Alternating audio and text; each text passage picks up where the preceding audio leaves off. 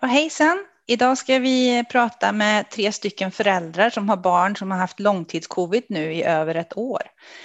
Eh, vi tänkte att vi skulle börja med att introducera er och era familjer och jag tänkte att vi kunde börja med Jenny. Mm. Ehm, ska vi lägga upp en bild här på barnen som vi ska prata om. Eh, så här har vi din familj. Ja, det stämmer. Det är eh, Molly och Nora, de är tvillingar. De fyller 11 år i år. Eh, de har varit sjuka sedan mars förra året.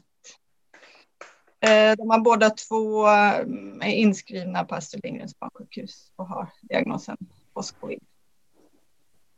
Och sen har vi Henrik, vars dotter Ines är på bilden. Ja, det här är Ines då, 10 år och eh, hennes hund Cirrus på bilden. Till stor glädje för Ines och hela familjen har vi en liten hundvalp sedan ett år tillbaks.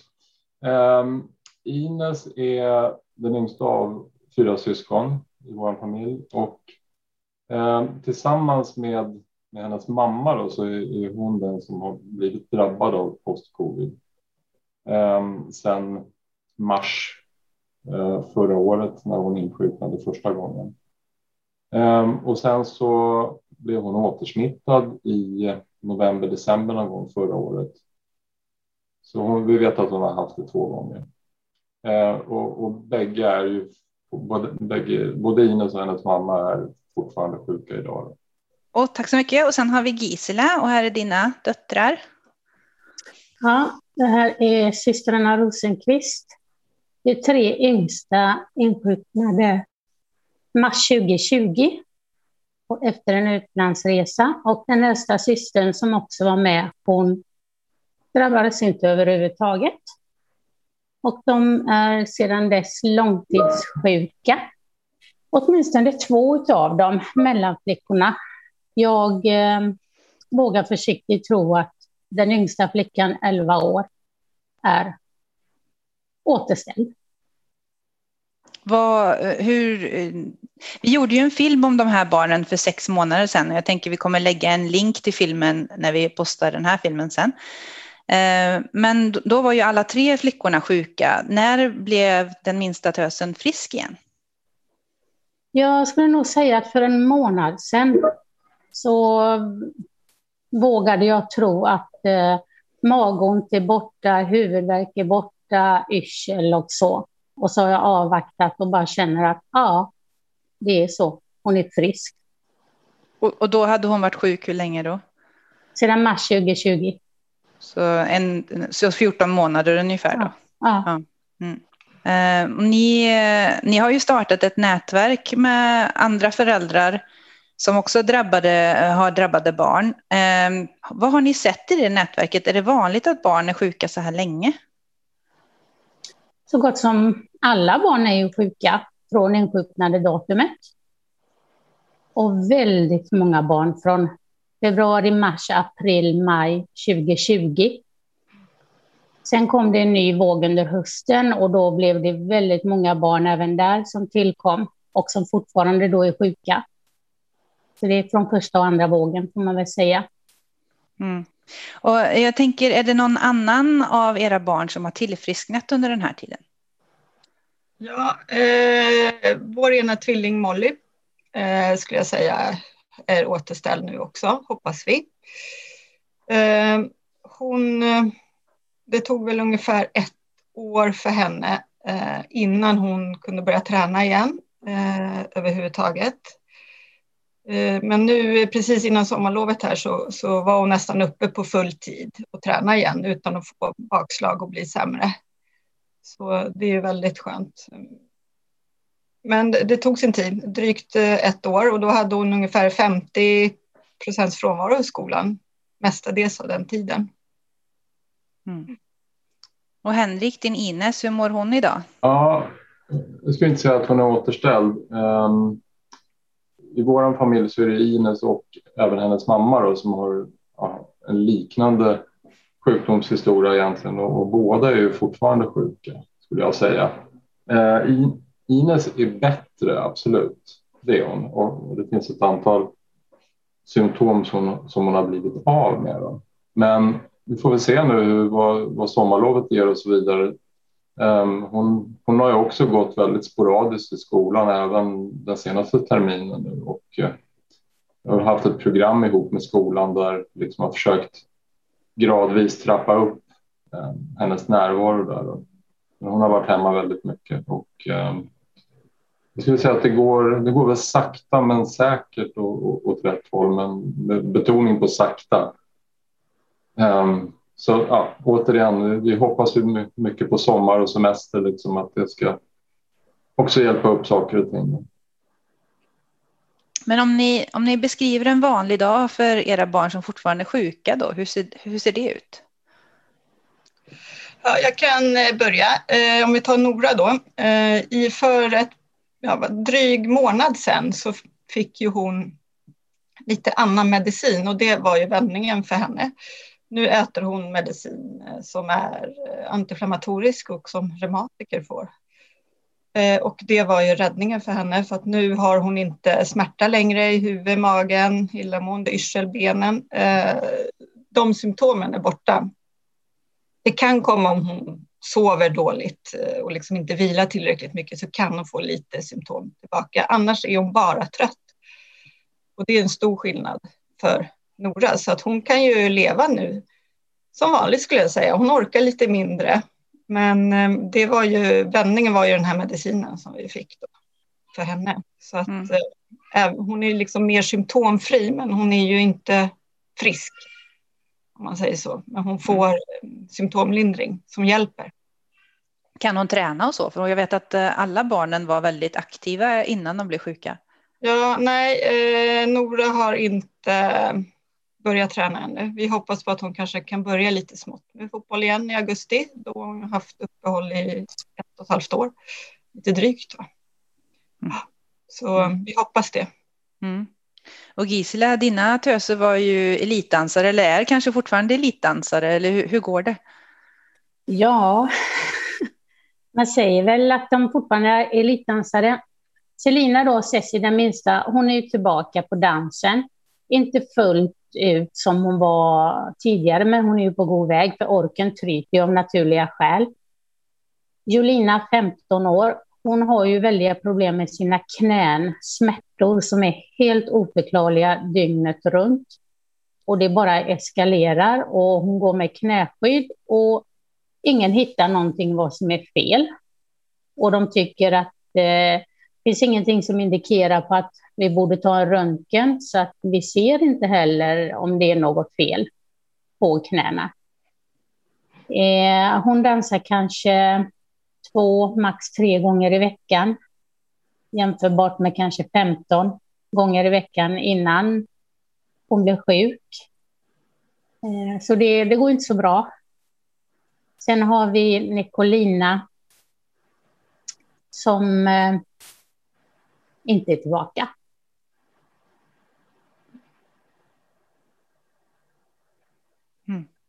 Ska vi ta en paus där så kan Henrik berätta om eh, hur det är för Ines idag. Du berättade lite förut, men kan hon mm. sporta igen och sådana saker? Uh, vi försökte ju även uh, när det gällde hennes basket då, att få igång henne gradvis liksom, på, på träningen, men det var svårt kan jag säga. Um, det är svårt också. Hon, hon har hon har ju tyckt det var jobbigt, både det här med att liksom sticka ut när det gäller skol, skolgången, då, att, att gå på andra tider än vad de andra barnen gör, komma på andra tider. Det har varit jättejobbigt för henne och likaså med träningen försökte vi liksom få henne att vara med ja, delar av, av träningarna och så, men hon tycker det, tycker det är jobbigt, liksom, helt förståeligt att, att liksom inte smälta in med de andra i gruppen. Så det har ju varit en, en utmaning psykologiskt för henne liksom, att klara det. Men, men vi har försökt eh, med basketträning och eh, det har gått så där. Eh, ibland har hon fått bakslag av det liksom. Eh, till synes inga tuffa övningar, men det har räckt för att hon ska liksom bli utslagen ett par dagar efteråt. Så att vi, det har varit väldigt sporadiskt. Vi har, vi har ändå försökt hålla igång det liksom. Så att hon, hon ändå har, hon vill ju, uh, vill ju gärna vara med så att, så att hon verkligen får liksom vara med i gemenskapen. Um, när det gäller skolan. Hur mår hon då? Så, har hon smärta eller är hon smärtfri nu? Eller? Jag kan säga det, det som har blivit bättre då är ju, hon hade ju väldigt jobbigt med, med hjärtat och hjärtklappning och hög puls. Um, och det har försvunnit. Uh, egentligen helt och hållet. Av sig själv eller har ni fått någon hjälp? Alltså det, det är ingen som kan påstå att vi har fått någon behandling som, som har liksom hjälpt upp det. Vi har gjort massor med undersökningar eh, runt hennes hjärta. Eh, allting har ju sett bra ut. Ingenting som har stuckit ut på något sätt. Eh, så jag, jag, vet inte. Mm. Ines har ju haft väldigt ont i halsen i ett års tid egentligen. Och eh, det här var någonting som, som eh, då eh, en läkare hittade att hon hade bakterier i, i halsen så hon fick en, en rejäl penicillinkur som faktiskt tog bort det här. Så att, så att nu är jag, de symptomen är helt borta. Och, och det här upptäcktes inte av, av Astrid Lindgren utan det var en annan läkare som vi engagerad i det här. Ehm, det som, det som framförallt är kvar då för Ines, det är ju den stora tröttheten. Hon, hon har ju inte samma ork som tidigare och um, ibland blir hon ju utslagen och, och ja, ligger och sover. Eh, jag ligger och sover en hel dag. Tröttheten och sen magont har hon eh, haft hela tiden. Eh, hon, hon, har en känslig mage sedan tidigare och det har blivit mycket värre under den här perioden. Ehm, så, så, det är väl de två stora symptomen. Sen eh, ut, utreds hon ju också nu för en autoimmun sjukdom. Eh, så vi kommer att gå till en reumatolog inom kort. Ehm, och det här är naturligtvis ingenting som, som Ines har haft tidigare. Jag vill, jag vill återkomma till det här om hur det har mm. gått på, på Astrid Lindgren och på den vården ni har fått. Men jag tänkte bara jag ska gå tillbaka till dig Gisela och fråga, orkar du berätta om hur det är med Nicolina idag? Ja då. Eh, hon har kanske dansat max fyra eller fem gånger sedan mars 2020. Hon försökte nu senast i veckan. Hon hade bokat in sig på lite roliga klasser bara för att hänga med kompisar och se vad hon orkade. Men redan innan så sa hon att hon hade yrsel och mådde dåligt, lite huvudvärk. Eh, och så kom vi överens om att ja, men åk, det är viktigt att du träffar kompisar. Så hon var där en lektion, men dansade inte så mycket, men hon fick åtminstone komma ut och vara i sin värld. Mm. Mm. Men rent symptomatiskt då, hur, hur mår hon? Eh, egentligen har hon bättre fysisk ork än vad hon hade från, för bara ett halvår sedan. Det kan mm. vi se en tydlig skillnad på. Hon ligger inte och sover 20 timmar kanske i sträck. Jätteskönt. Och hon försöker hänga med på aktiviteter vi har och så, och det är också jättebra. Men rent minnesmässigt är det katastrof. Faktiskt. Närminnet är svårt påverkat och långtidsminnet är totalt katastrofalt inom vissa områden. Så ehm, det är ju tufft för henne. Hon skriver dagbok varje kväll för att försöka komma ihåg vad det är som händer under dagen så att hon har någonting att stödja sig på och följa med. Mm. Eh, andningen är bättre som hon har gått igenom de här övningarna som hon fick med verktyg. Så den, den är klart förbättrad, men slutar hon med dem så blir det tryck igen och kommer tillbaka. Så jag får ju också säga som Jenny här tidigare att det är symptomlindring som försiggår, men det är ju ingen bot. Inte än i alla fall. Det är ju mm. möjligt att det kanske blir bättre också långsiktigt. Så jag tycker jag hör från alla tre att det har blivit långsamt bättre, men att ja, två barn har blivit friska, men att resten fortfarande är sjuka. Um, så kan ni beskriva för mig då, hur, hur har det varit i vården sen, sen vi pratade sist? Har ni fått mer hjälp? Det har ju, Astrid Lindgrens barnsjukhus har ju startat en mottagning för barn med långtidscovid. Och, ja, vi kan väl börja där kanske. Hur, hur, har, det, hur har det gått? Ja, men eh, vi var ju väldigt eh, glada att eh, alla tjejer fick komma dit. Eh, där gjorde de som ett grundpaket eh, och tog blodprover och så för att kolla att inga inre organ var skadade.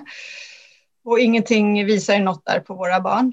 Eh, och sen gjorde vi ett funktionstest. Det kunde man ju se i förra filmen då, när både puls och Eh, syre eh, när de rörde sig.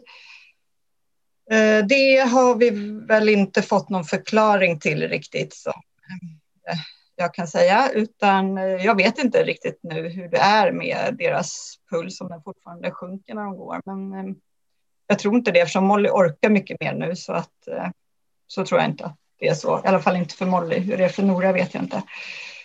För hon är fortfarande andfådd och har inte samma kondition. Eh, men efter det här startpaketet, ja då hände det väl inte så mycket utan då var det väl mer att eh, vi skulle vänta och se hur eh, barnen, ja hur det utvecklas. Och eftersom man inte då såg något allvarligt först. Men med all respekt för Astrid Lindgren och att de har haft mycket att göra. De, de öppnade upp det här jättesnabbt vid sidan av en redan verksamhet som de hade. Men det har gått ehm, det har tagit lite lång tid från Astrid Lindgren, tyckte vi. Eh, och vi såg ju ingen förbättring hos våra barn så att vi sökte ju hjälp hos en annan läkare helt enkelt eh, här i Stockholm. Och eh, då började hon utreda tjejerna och då såg hon på Nora då att Nora har eh, så positiva antikroppar på två autoimmuna sjukdomar eh, som hon då har utvecklat efter eh, covid. Och sen lite förhöjda inflammationsvärden. Så att det är väl också därför den här medicinen har hjälpt som Nora har fått. Eh, men vi väntar nu på att komma till reumatologen på Astrid Lindgren så vi får se. Det är inte säkert att eh, man kan ju ha sådana här antikroppar tillfälligt också har jag förstått. Det är väl det vi hoppas på så att det inte är något kroniskt. Men det får reumatologen utreda vidare helt enkelt. Mm. Hur, hur känner barnen att de har blivit bemötta? Eh, nej men de tycker att det har varit bra. De har ju tyckt det varit jobbigt såklart att åka till läkare eh, och så. Men eh, nej, de, de tycker att det har känts helt okej okay med Astrid Lindgren och att de har blivit lyssnade till och även med den här andra läkaren att de blir väl bemötta. Så mm. Mm. Det var jättebra. Och jag tror också som BO kom ut med den här rapporten så var det stor skillnad på barnens egna upplevelser om man får gå till ett post-covid-team eller om man får gå till vårdcentralen till exempel. Mm. Så var det en stor skillnad kunde de se.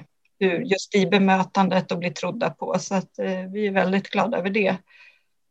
Mm. Henrik, har du en liknande erfarenhet eller hur? Ja, men precis som Jenny pratade om så var vi väldigt glada att få bli inskrivna på, på Astrid Lindgren naturligtvis. Och, eh, vi har ju fått ett jättebra bemötande och det kändes ju väldigt bra att liksom få vara med i den här lite exklusiva skaran då, som faktiskt blev utredda. Um, och sen har vi varit där på en vansinnig massa provtagningar och ehm, Ines och jag har väl försökt göra det som en en liten positiv grej i alla fall. Varje gång vi har åkt till, till KS så åker vi i god tid så vi kan ta en fika på betekatten. att det har varit, eh, det var många, många långa dagar där. Ehm, sen så, så tycker jag kanske att de inte har varit så proaktiva. De, de har ju följt ett protokoll helt uppenbarligen. Eh, och det har de säkert gjort så som de har kommit överens om. Men, men de har inte riktigt tänkt utanför boxen känns det som. Så vi har ju också eh, sökt hjälp på, på, andra ställen då och eh, Ines har ju fått den bästa hjälpen tror jag på, på Bum Vällingby av en läkare som heter Kim Ramne eh, som har varit väldigt, ska jag säga, då, snarare proaktiv och, och tänkt utanför boxen och eh, ehm, gjort utredningar på på ett lite annat sätt än, än vad KS har gjort. Ehm, och där, eh, även för Ines del så, så är det ju ett spår att eh, komma till reumatologen och, och titta på om det, om det kan vara någonting. Då. Um, sen har Ines också fått, fått medicin som tyvärr inte funkar så bra på henne för hon har hela tiden haft ett problem med sin mage och hon, hon har en känslig mage sedan tidigare också vet vi. Så en del medicin som hon har fått har inte funkat för hon har fått ännu ondare i magen.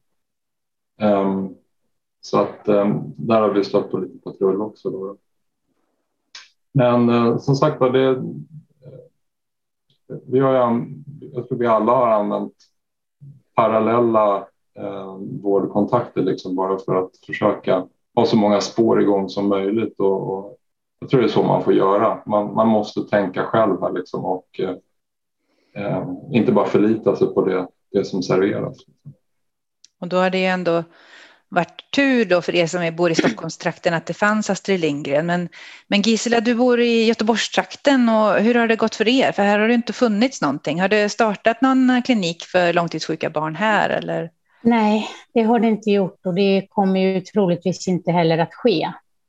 Utan att det är BUM och vårdcentraler som kommer att vara ansvariga och göra det de kan för dem och när de inte kommer vidare då skickas det iväg en remiss till eh, barnsjukhuset. För där står vi som bor i Västra Götaland. Men hur har det gått för, för er då och med vården för era barn? Nicolina har fått göra en hel del undersökningar. Vissa gjordes ju redan innan BUM blev inkopplat via kontakter då. Eh, och sen när vi remitterades över till BUM så Ja, det, det, har varit väldigt mycket diskussion om vad som ska göras och inte göras. Och BUM har ju, de har ju varit ärliga och sagt att vi kan ingenting om post-covid och vi vet inte vad vi ska göra. Vad vill du att vi gör? Så eh, hon har fått en utredning på hjärta, hon har fått en utredning på lungor, Nicolina. Och nu sist då som jag faktiskt har fått eh, fighta en del för det ett minnestest då. Som man gör på kanske dementa och så. Mm. Så det har Nicolina gjort för två veckor sedan, så vi väntar på resultatet nu. Sen är det ju också så som inte jag sa förut, att eh, Nicolina gjorde ju en MR på sin hjärna. Och den visar ju på att hon har en liten, liten skada på vänster hjärnhalva. Ehm, de säger från BUM att jag ty de tycker inte att jag ska lägga några spår på det. Att det kan vara ett bifynd. Men jag vet att Nicolina gjorde en MR när hon var nio år gammal och då fanns det ingen skada på hennes hjärna. Så det är lite hårt faktiskt. Och sen alla dessa sociala nätverk som läkarna vill att vi ska hålla oss borta ifrån. Så är det ju, för där hittar vi en massa fakta där har jag också kunnat se att barn från bland annat UK har fått liknande fynd på sina MR och kanske även något från Danmark. Och det är ju lite jobbigt att inse att covid kanske har skapat det här i våra barns hjärnor. Och hur vi går tillväga med fortsättningen vet jag inte än. Jag har ju ofta varit imponerad. Eh, vi har ju hållit kontakten som sagt och jag har ju varit väldigt imponerad över hur up to date ni är med all forskning på ämnet och genom att se hur ni, mycket ni läser och informerar så förstår jag ju också er desperation och situationen som ni är i för att jag, eh, får jag ställa en fråga så här, brukade ni läsa forskningsartiklar innan allt det här hände? Nej, inte, inte på samma... Jag har ju läst li, lite via mitt yrke då, men nej, det fanns inte nej. på världskartan faktiskt. Nej. Det lärt sig oerhört mycket under den här resan och mm. lär mig. Mm. Och Henrik, brukade du fördjupa dig i sådana här teman förut? Nej, det är klart att man har ett större intresse nu då. Och mm. eh, sen har jag, jag ska ärligt och snabbt säga att det det är min fru Ann-Sofie som, som eh, sig väldigt mycket i det. Men, men det är väl kanske beroende på att hon, hon själv är sjuk också så hon har ju ännu större intresse av det. Men, mm. men, ja, nej, men eh, vi föräldrar har nog blivit väldigt duktiga på det här skulle jag säga. Läkarna är ju inte så duktiga uppenbarligen. De, de är ju väldigt frustrerade, det märker vi på olika sätt. Mm.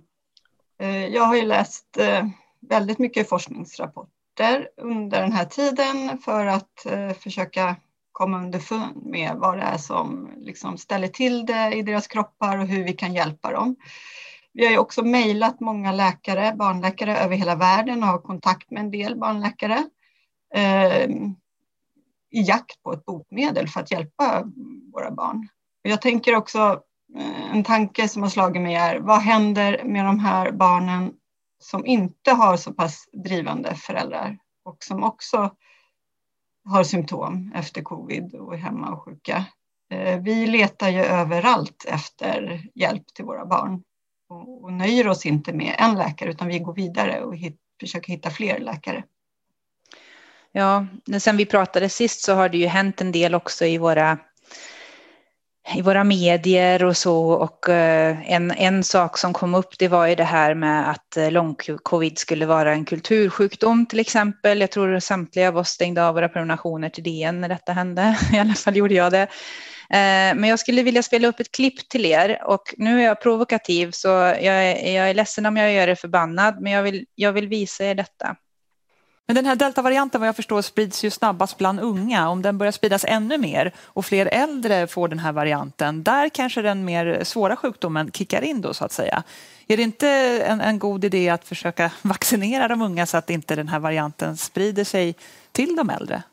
Ja, absolut. Ja, men det är också ett tänk i att vaccinera. Vi, vi vaccinerar unga. Vi vaccinerar nu, har vi bäst, bestämt oss att vaccinera från 16 år uppåt. Eh, och då frågan är att ska vi vaccinera dem under 16? Och då gör vi bara för samhällets skull, inte för barnens skull, för att de blir inte sjuka. Mm. Så det är lite etisk uh, aspekt i det hela. Vi måste fundera. Det här är ingenting som vi kan ta, ta beslut över en dag. Vi måste verkligen tänka och titta på hur ut, hur själva samhällsspridningen utvecklar sig innan vi tar en sådant beslut, tycker jag.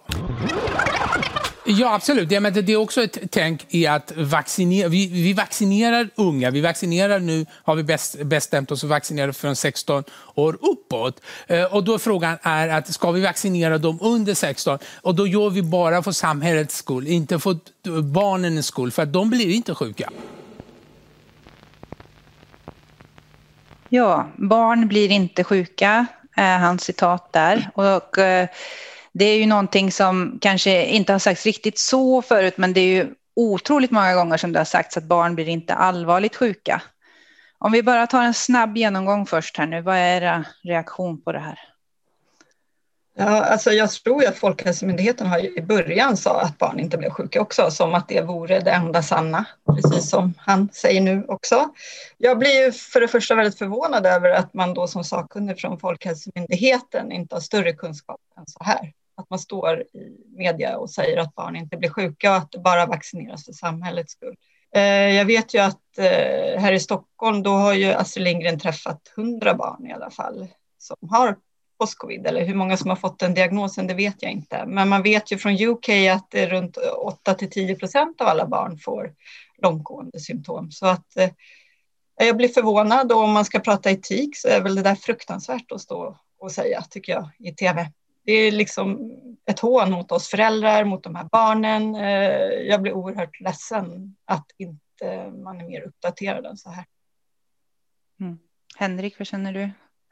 Ja, alltså det är oerhört eh, frustrerande om, det där, om den där intervjun är, är gjord nyligen så är det ju är det helt ett helvete. Um, men, men det är ju det är som jag sa förut att det är forskare och läkare vet ju inte speciellt mycket själva heller liksom. Ehm, och jag tror att de är, de är väldigt frustrerade men, men ja, det där måste ju utmanas, så, så där kan man inte stå och säga när man kommer från Folkhälsomyndigheten. Mm. Ja, Gisela, vad tänker du? Jag tycker ju det är fruktansvärt. Det som Jenny sa, det är ett hån mot både barnen och föräldrar och samhället överhuvudtaget. Jag förstår heller inte folkhälsomyndigheterna som kan tillåta att det, eller tillåta, det är inte rätt ord kanske, men hur, hur de kan stå bakom något sådant här uttalande när det har gått så lång tid och vi alla vet att barn blir drabbade och otursvis långtidssjuka. Mm. Vi vet, ju, vi vet ju inte tyvärr hur många barn som blir lika hårt drabbade som era barn. Det är ju över ett år nu de har varit sjuka. Men, men vi vet ju från flera olika studier nu att någonstans mellan 4 procent till 60 procent av barnen. Det är olika studier som har visat olika saker, men en jättefin studie från Norge ehm, där nästan hela Bergens eh, population, alltså nästan alla som var positiva under första vågen i bergen eh, studerades, där visade de att unga mellan 15 och 30, eh, jag tror över 50 procent av dem hade symptom efter ett halvår.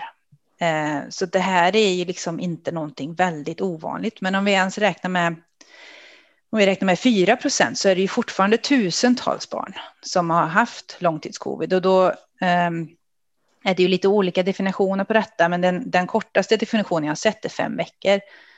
Och jag vet inte, jag, jag, vill att ni som tittar på det här tänker på det här. När hade ni sist en fem veckor lång sjukdom? Jag funderar på det och jag var jäkligt risig en gång och tre veckor var jag då riktigt dålig. Men jag menar fem veckor är väldigt lång tid att vara sjuk bara det. Och om man snackar om att vara sjuk ett år så tycker jag att det, det, mm. det är någonting som är, jag skulle definitivt klass, klassificera som allvarlig sjukdom. Hur, hur, känner ni där? Eh, skulle ni eh, klassificera era barn som allvarligt sjuka i det här?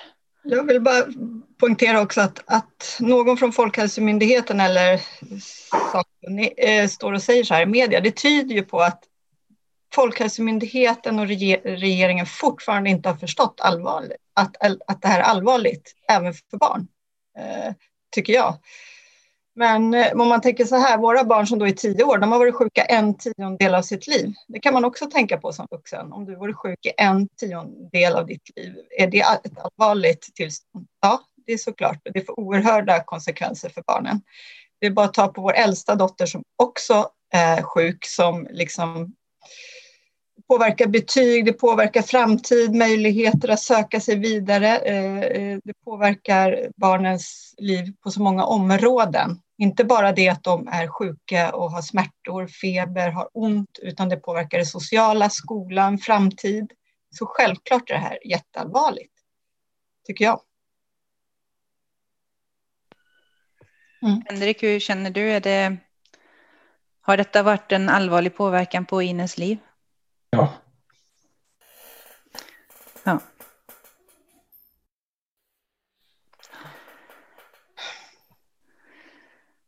Ja, Gisle? Ja, eh, det måste jag verkligen säga att det har påverkat framförallt mellantjejerna då, 15 och 17 år. Eh, Nicolina som då går första året i gymnasiet. Det är ju så hon har fått kämpa för att försöka hålla sig någorlunda up to date. Skolan måste jag säga har varit fantastisk. Är det någon som ska ha cred i hela den här sjukdomsperioden så är det hennes skola Donner. De har ställt upp på all distansutbildning, avvakta med prover, splitta upp prover, mejlar oss och frågar hur det går, lite Teamsmöten. Jag är, jag, hon kunde inte ha fått det bättre på den skolan. Så glad är jag för detta. Det är ehm. fantastiskt att få höra en, en, en ros också i allt detta. Ja, ja mm. absolut, det tycker jag. Eh, Likaså är det väl med Jolinas skola. Första sex, åtta månaderna så visades ingen större hänsyn. Faktiskt. Det kunde man känna attityden att eh, kändes lite hittepå även med Jolina. Men sen tror jag faktiskt att eh, lärare och andra i skolomgivningen har också insjuknat och fått känna på lite hur det är och synen har blivit förändrad. Och de har själva kontaktat Jolina då och sagt att lägg inte så mycket energi på detta, ta det lugnt, ta gärna en sovmorgon. gör det inte om du inte orkar. Och vi förstår hur du mår. Och just den meningen, vi förstår hur du mår, det måste ju tyda på att någon, det har blivit en förändring i även den skolan, att de förstår att det finns verkligen långtidssjuka barn och att det finns påverkan från det normala livet. Mm. Jösses, vad, vad bra ändå att, eh, att skolorna hjälper er. Hur har det, varit, hur har det gått med skolgången för eh, dina barn, Jenny? Eh, ja, men eh, för eh, Molly och eh, Nora så mm, vi har ju fått jobba i kapp väldigt mycket hemma. De har ändå haft förståelse för en hög frånvaro. De har också sett de sjuka och skickat hem dem och så när de har varit i skolan. Men det mesta har ju hamnat på oss föräldrar att jobba i kapp.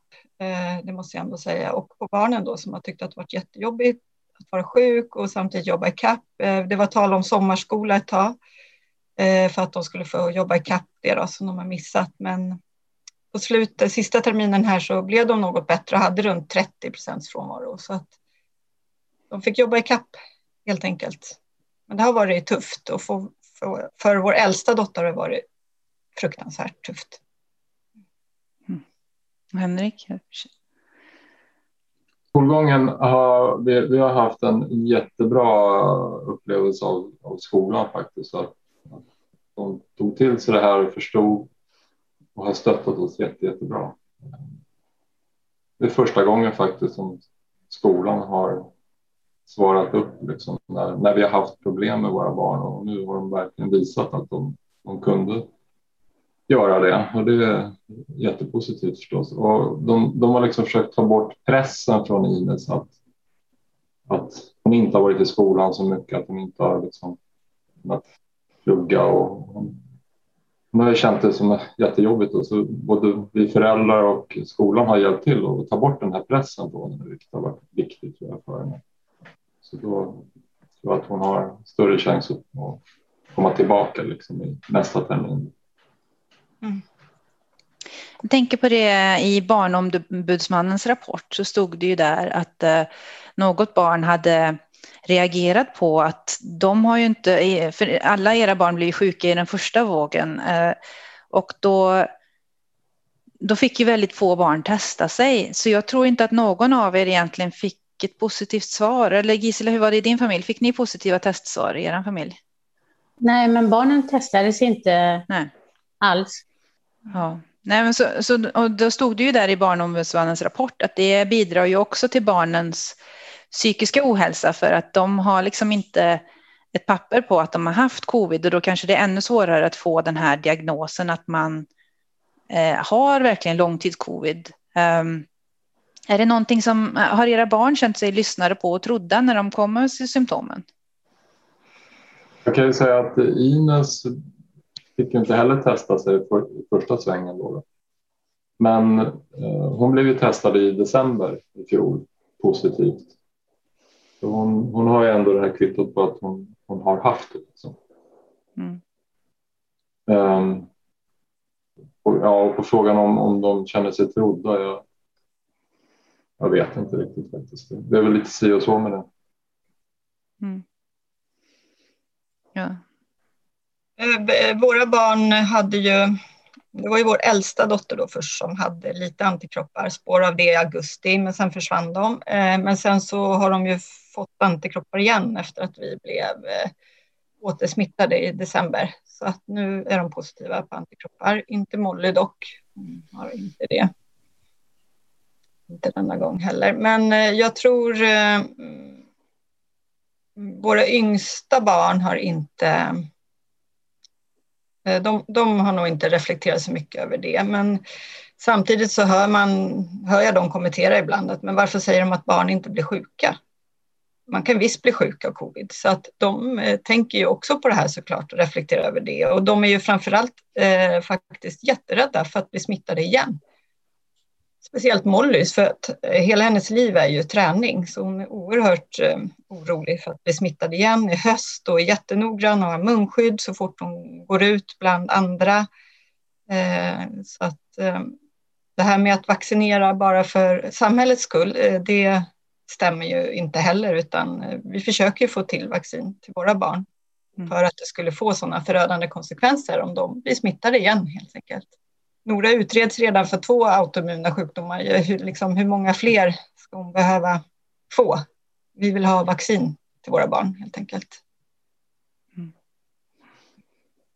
Mm. Ja, mina barn har ju inte blivit trodda en enda gång skulle väl jag vilja påstå att det är långtidscovid. Det finns ju massa andra konstiga virus som bara kan drabba så här från ingenstans. Däremot så upptäckte jag av en eh, händelse när jag tittade på barnens journaler att en av flickorna har fått långtidscovidsdiagnos från Socialstyrelsen. Eller ja, inte från Socialstyrelsen, men den som de har satt den diagnoskoden. Det har en av mellanflickorna fått faktiskt, såg jag i hennes journal. Och jag hade ingen aning om att hon hade fått den. Eh, och jag vet inte varför hon har fått den och inte de två andra. Men däremot så var hon den enda av dem som fick smak och, smak och luktbortfall. Och jag vet inte om det kan bero på det och hon är fortfarande påverkad. Om det var det som avgjorde att läkaren satte diagnosen på henne. Och samtidigt så har barnen alla tre samma läkare. Hon satte på en, men på de andra två så heter det nedstämdhetskänsla. Så det är ju lite märkligt tycker jag. Mm. Och sen om jag ska gå in någonting på vaccin och så, så alltså jag önskar ju att mina barn ska få vaccin. Den äldsta flickan som aldrig fick covid, hon har ju varit livrädd i över ett års tid. Hon, hon går ju inte utanför huset om hon inte behöver, för hon är livrädd att hon ska drabbas så som hennes småsystrar har gjort. Och hon är ju så pass gammal nu så att hon är ute i arbetslivet. Hon dansar, hon tävlar på väldigt hög nivå. För henne skulle det bli än mer förödande om hon också blir långtidssjuk. Det har påverkat oerhört vår familj detta. Ja. In med vaccin. Det är det vi längtar efter nu och hoppas på någon bättring. Hoppas vi kan få bort det här. Mm. Den här rapporten som eh, Barnombudsmannen kom ut som eh, undersöker hur barn har drabbats i, i Sverige då av pandemin. Eh, där fastställer man ju att eh, långtidssjuka barns rättigheter inte har tillgodosetts och att det är en grupp som man behöver följa vidare. Man kan ju se att de inte får den utbildningen de har rätt till. De får inte den vården de har rätt till eh, och att de inte blir trodda på. Eh, och de här barnen mår inte bara fysiskt dåligt utan såklart även psykiskt dåligt. Och det får man inte glömma. Så de är ju dubbelt eh, eh sjuka, eller vad man ska säga. Mm. Så ni, eh, som jag förstår det så, så, är ni alla positiva till vaccinering av barn på grund av det ni har upplevt i era familjer? Mm. Absolut. Ja, självklart. Och sen måste jag ju också säga, jag och Jenny, som, ja, även Henrik är ju med i gruppen, men vi som är lite drivande i denna föräldragruppen då. Så många barn som är sjuka på så många olika sätt, hundratals olika symptom. Alltså vi måste försöka få till att bryta det här. Det är fruktansvärt att det får lov att fortgå på det här sättet. Jag, jag, kan, jag kan inte förstå någon myndighet eller ansvarig överhuvudtaget hur det kan få fortgå helt enkelt. Jag tycker att eh, Sveriges strategi vad gäller barnen, att man har frångått eh, försiktighetsprincipen överhuvudtaget eh, är väldigt märklig. Eh, jag kan inte förstå att man eh, in, inte, inte tar det säkra före det osäkra och skyddar skolor, eh, sätter in munskydd, ventilation, vaccinerar barn. Eh, att vi inte gör allt för att minska risken för att barnen eh, blir eh, sjuka. Vi vet ju nu att barn faktiskt drabbas av covid, så varför eh, använder vi oss inte av försiktighetsprincipen? Jag känner väl, det vi är lite oroliga för inför hösten, det är ju, det är att släppa Ines till skolan. Liksom. Mm. Vi vill ju inget heller än att hon ska få gå i skolan på skolan och slippa hemundervisning och grejer. Men men samtidigt känns det ju läskigt eh, eftersom hon inte är vaccinerad. Så att det, ja, vi får väl se hur vi, hur vi gör helt enkelt. Mm. Mm. Så om ni hade valet att skicka era barn till skolan i höst eller ha hemundervisning, vad hade ni valt? Jag hade valt hemundervisning så länge de är ovaccinerade och så länge man inte inför bättre smittskyddsåtgärder. Barnen har redan blivit smittade i skolan två gånger och smittat ner oss eh, här hemma. Så att, eh, och med tanke på hur sjuka de blir och hur länge och vilka konsekvenser det får för hela deras liv så absolut hemundervisning. Fast helst i skolan men med smittskyddsåtgärder. Mm. Mm. Ja, jag väljer eh, hemundervisning, distans. Det, jag, jag, kan inte se mina barn gå till en skola när ett virus grasserar, barn blir sjuka, kan omsmittas. Och vad händer om de får det en gång till? Jag, jag kan inte, nej, hemundervisning i alla lägen. Absolut. Det, vi måste skydda våra barn. När det gäller Ines är vi nog tudelade. Jag, jag håller med om att det känns väldigt läskigt att släppa henne till skolan utan, utan att vara vaccinerad. Men samtidigt så tror jag det skulle vara förödande för henne att inte gå på plats i skolan ytterligare en termin. Så hon behöver verkligen det för hennes sociala och psykiska välmående. Så det är en, en balansgång där. Liksom. Det, jag vet inte hur vi, hur vi kommer att resonera faktiskt i höst. Vi får väl se. Det finns ju väldigt mycket som skolorna kan göra för att hålla barn säkra. Om vi kollar på våra grannländer i Finland och Norge till exempel som har haft betydligt lägre. Om vi jämför oss så har vi haft över 1300 inläggningar av barn eh, i Sverige, alltså 1300 separata inläggningar. Och motsvarande siffra för ett par veckor sedan i Norge var 69 barn. Så vi gör ju någonting annorlunda än våra grannländer och eh, det har sina effekter. Eh, så att om man skulle kunna skydda barnen bättre i skolan så skulle jag ju också som förälder känna mig mycket mer trygg. Mm. Jag vill bara säga att självklart så vill ju våra barn och det, för deras mentala och psykiska välmående så är det ju bättre att vara i skolan. Vi vill inte heller något annat. Och också det vi har sagt hela tiden, Astrid Lindgren och det är det vi försöker till nu, vaccin till barnen så att de kan liksom, så att de inte blir sjuka. För går de till skolan och blir smittade igen, ja då, då är de ju sjuka igen och hamnar hemma igen med stor sannolikhet. Det behöver inte bli så lika illa nästa gång, men de är inte ens friska från första gången. Så att, eh, det känns eh, väldigt... Eh, ja, det känns helt enkelt inte bra. Men när man vet att det finns åtgärder man kan införa så undrar jag varför man inte inför det. Mm. Mm. Ja, en del, en del åtgärder som till exempel att öppna fönstren och vädra är ju inte en högteknologisk åtgärd utan någonting som alla skolor kan göra från och med imorgon eller så fort de öppnar igen. Mm. Jag måste säga att jag tycker att det fortfarande som det här klippet som ni spelar upp, eh, man ser på åtgärder som man inför i skolor eller som rättare sagt som man inte inför, eh, så tyder det ju fortfarande på att det lever kvar det här att barn inte drabbas i Sverige, i samhället. Mm. Och barn drabbas och det är allvarligt skulle jag vilja säga. Så att det, det förvånar mig att man fortfarande inte agerar och skyddar barnen. Ni har ju den här Facebookgruppen. Eh, hur många medlemmar har ni nu?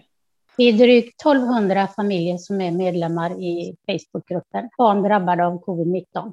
Och då är det blandat, både familjer som har långtidscovid och familjer som har MIS-C, mm. eller med barn som har haft långtidscovid och MIS-C ja. menar jag. Ja. ja. precis. Ja, eller som bara har haft covid och sen har det blivit bra. Mm. Det finns också med i den gruppen. Mm. Ja, det är väldigt många berättelser i den gruppen som är svåra att läsa eh, och eh, det finns väldigt många olika sätt att drabbas av den här sjukdomen. Ehm, när ni har sett i media hur barn beskrivs och hanteras, har det påverkat er familj och era barn på något vis? Mina barn, ska jag säga, har lärt sig att ta ett större kan man säga, samhällsansvar. De är mer rädda om sina vänner och försöker att påtala hur farligt viruset är. Eh, de har aktivt, ska jag väl säga, deltagit i media för att visa och lära andra barn och ungdomar att långtidssjuka barn finns, viruset finns. Eh, hur man ska försöka undvika att bli smittad. De har försökt att ge råd.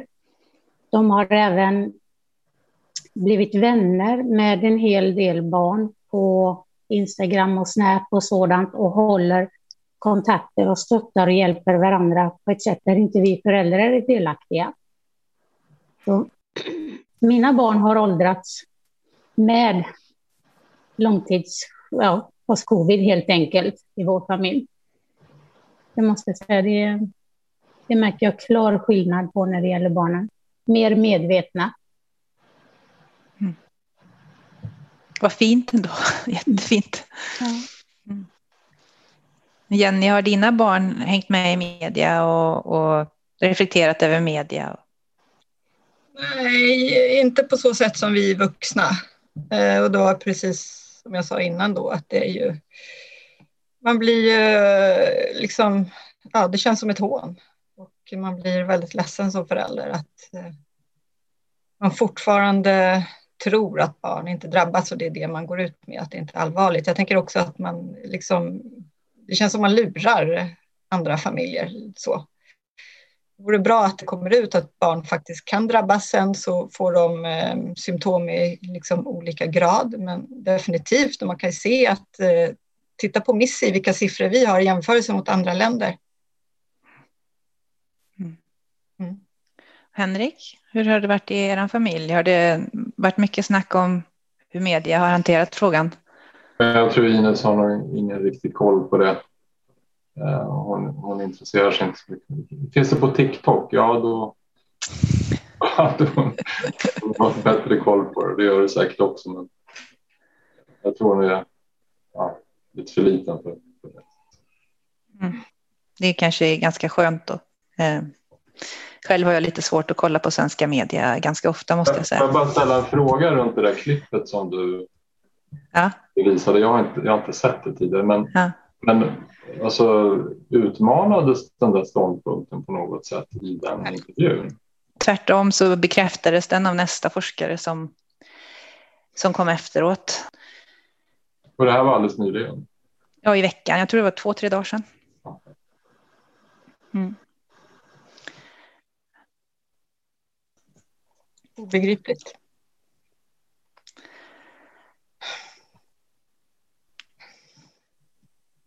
Men, men är de helt omedvetna om den här, om den här avdelningen på KS som vi alla har, har varit en del av nu och det, det initiativet? Vet inte om det. Nej, man undrar ju. Men jag tycker också så, jag saknar lite de här barnläkarna som faktiskt jobbar med våra barn som har eh, postcovid, som diagnosen heter. Eh, att, att vart är de barnläkarna i debatten? Varför går de inte ut och varnar för och faktiskt står upp för de här barnen och säger att det här finns och det är verkligt och det är eh, allvarligt för de här barnen. Men jag vet inte, jag tror att debatten har blivit väldigt polariserad. Eh, eh, det som antingen finns det sjuka barn eller så finns det inte. Antingen är det allvarligt eller så är det inte allvarligt. Eh, och att det har blivit alldeles för polariserat så att man kanske drar sig undan, jag vet inte. Jag är lite rädd för att mina barn har fått en... Vad ska jag säga? Att, jag, jag funderar på om de kommer att lita på myndigheter och sjukvården i framtiden så som de har blivit behandlade, ont i själen, hittat på, att de aldrig har trott på dem. Och det har gått så lång tid och vi diskuterar mycket här hemma och jag undrar ibland att vad kommer mina barn att ha tagit med sig i framtiden? När de utsätts för olika situationer, att vågar de tro på vad myndigheter går ut och säger eller andra verksamheter? Sjukvård. Det funderar jag på ibland. För de är ganska kloka, mina barn. Och drar egna slutsatser. Och det är lite sorgligt. Och det är ju många barn som bemöts på det här sättet. Vi mm. som bor i Stockholm har haft tur att få komma till Astrid Lindgren. Vi är inte många. Det är, finns väldigt många andra barn som bemöts på samma sätt som Giselas barn har blivit bemötta. Det finns, är det bara Astrid Lindgren i hela Sverige fortfarande? Nej, Nej. det finns några till nu. Mm. För jag läste någon nyhet att det är massvis med kliniker som ska öppna nu i England. Mm. Precis. Mm. Mm. Där känns det ju som att de har verkligen accepterat att det här är ett faktum. Och jag tänker att det kommer ju rapporter nu från så många olika länder på, om barn som har långtidscovid, att det är ju ingenting att tveka på längre, att det här är ett faktum, att det händer. Mm. Mm. Ehm, jag har sett rapporter från Israel, Nederländerna, Norge, ehm, England, flera stycken. Men det, det, det är i alla fall någonting som ses i alla länder och det är ju väldigt underligt om, om eh, alla barn och föräldrar samtidigt skulle ha en, kultur, en kultursjukdom mm. i alla dessa länder. Mm. Speciellt små barn som, liksom, vad har de för sjukdomsvinst? Ingen.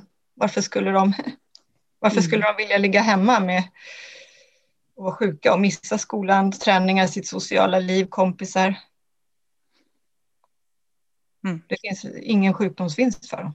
Jag förstår inte resonemanget. Jag läste en väldigt bra artikel om barn i covid-pandemin och eh, de gjorde en väldigt bra poäng och det var att om vi tog bort hur hemskt det har varit för de äldre och de vuxna i den här pandemin och bara tittade på hur barnen har påverkats. Om vi till exempel om, om vi tänker bort nu att 15 000 mestadels äldre har dött och så tittar vi bara på barnens situation. Om vi hade fått höra för två år sedan att nu kommer det ett virus till Sverige 14 barn kommer att dö, 1500 kommer läggas in på sjukhus, tusentals kommer få restsymptom i månader efteråt, kanske år.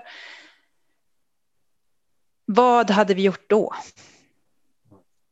Så det, det där tycker jag är väldigt bra tankeexperiment. Liksom. För det är självklart så att ingen av oss säger att det är värre för barnen än för de vuxna. Vi säger bara att det är, det är dåligt för barnen också. Eller hur? Mm. Mm. Och sen tycker jag det blir väldigt fel i debatten som som eh, de här två experterna då står och säger i tv att eh, det kommer inte bli en fjärde våg. Men eh, då tänker ju de enbart på dödstalen och så kanske det inte kommer bli. Men vi har fortfarande fullt med barn i svenska skolor där inga åtgärder finns som kommer att bli smittade garanterat av delta och som kommer att bli sjuka. Och det här får konsekvenser i barnens liv. Det vet vi som föräldrar och som har levt nära eh, med barn som har varit sjuka över ett år och som fortfarande inte är friska, som ska utredas för autoimmuna sjukdomar. Varför skyddar man inte barnen? Varför går man inte in med större åtgärder i skolorna? Det är för mig helt obegripligt. Man kan inte bara titta på dödstalen. Vi har ovaccinerade barn i skolorna i höst. Alltså, det var ju någonting på P1 i morse där de diskuterade just eh, barn och eh, mässlingvaccinationen och hur farligt olika virus kan vara som kommer in i Sverige. För att dessa barnen är ju så mycket känsligare för att de har ju inte, kroppen har ju inget vaccin överhuvudtaget eller fått bearbeta med eh, immunförsvaret. Jag hann tyvärr inte höra hela, men det hade nog varit intressant just på vad vi pratar nu om. Vaccin och verkningar. Mm. Mm. Ja, för det är ju inte bara dödlighet som ni säger, det är ju också sjukdom man får tänka på. Mm. Ja, precis. Mm. Men det är också så att Folkhälsomyndigheten har ju gått ut och sagt att eh, långtidscovid inte är ett hälsoproblem för dem som de behöver ta i eller ens liksom, prata om. Jag vet att det tog flera, jag tror att det var i slutet av förra året jag hörde en från regeringen var det då, eller om det var Socialstyrelsen, som första gången nämnde att barn kunde få långtidscovid. Att även barn kunde drabbas av det. Det tog alltså flera månader. Och nu återigen så är vi där i debatten att barn inte blir sjuka.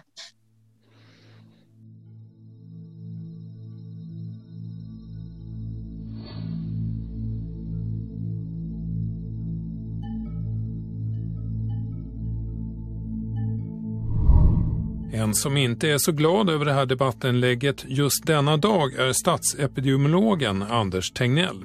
Inte minst resonemanget om att skolor bidrar till smittspridning. Ja, kanske framförallt för att jag är lite rädd för att man sprider mycket oro inför skolstarten som jag tycker är lite onödigt. Visst, eh, barn blir sjuka, eh, eller smittas i alla fall. De blir väldigt, väldigt sällan mycket sjuka.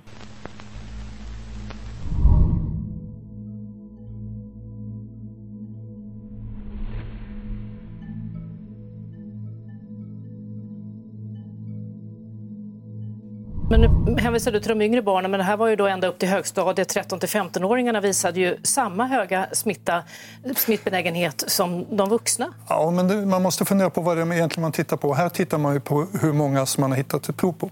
Eh, ett positivt prov. De har haft virus.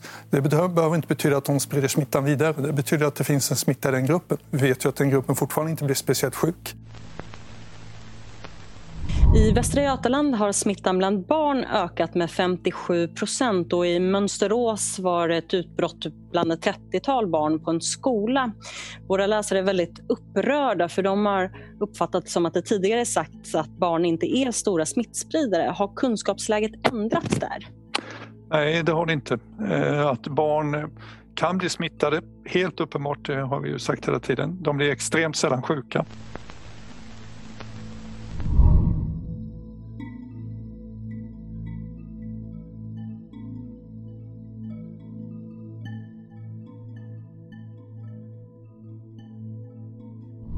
Kommer att ha en god vaccinationstäckning, men det kommer fortfarande vara de som inte är vaccinerade. Vi har en omvärld att förhålla oss till där inte vaccinationerna har kom, kommer att ha kommit lika långt. Vi kommer att ha grupper i samhället där vaccinationstäckningen inte är lika god, till exempel bland barn och unga i skolan där man kanske fortsatt måste jobba med, med åtgärder för att undvika eh, smittspridning. Nu är det en grupp som inte drabbas av allvarlig sjukdom. Så jag undrar lite, era barn är ju sjuka. Eh, så det är inte mycket ni kan göra där. Varför engagerar ni er så och berättar er en historia och delar med er av detta? Ja, jag kan säga att eh, jag gör det ju framför allt för att eh, jag eh, brinner för barn generellt. Jag är också specialpedagog och, och liksom vill hjälpa barn och jag tycker att det är viktigt att andra barn inte drabbas av det här och att man som förälder blir medveten om att det här faktiskt kan drabba barn allvarligt. Men framförallt så är det ju till myndigheter och eh, regering, regeringen som vi också vill få fram budskapet så att de förstår allvaret i det. Ja, för vår del så det här har ju varit en så stor del av vår vardag i ett och ett halvt år nu så att självklart är det viktigt för oss att eh, hjälpa till så, så, så gott vi kan och sprida budskapet om att det här faktiskt är ett jätteproblem för barn och förhoppningsvis hjälpa, hjälpa andra i samma situation och förhindra att, att eh, fler barn blir sjuka. För mig så stod det ganska snabbt klart att det, eh, det kan ju inte bara vara mina tre barn som drabbas av det här. Det är ju en hel omöjlighet i hela Sverige. Och själv behövde jag stöd och försökte få in lite tips och råd. Och samtidigt som jag ville försöka stödja och skapa något nätverk där vi kunde få träffas och helt enkelt bara hjälpa varandra i början när det här smällde till. Jag tror aldrig jag för mitt liv hade kunnat tänka mig hur detta skulle växa och nästan över våra huvuden, måste jag erkänna. Och jag är idag så tacksam över att denna föräldragruppen finns för så mycket stöd, stöttning, eh, positivitet som vi stöter på trots att det är så mycket elände. Och barnen mår bra av att få höra att det finns andra ute i Sverige som har det likadant. De blir inte ensamma.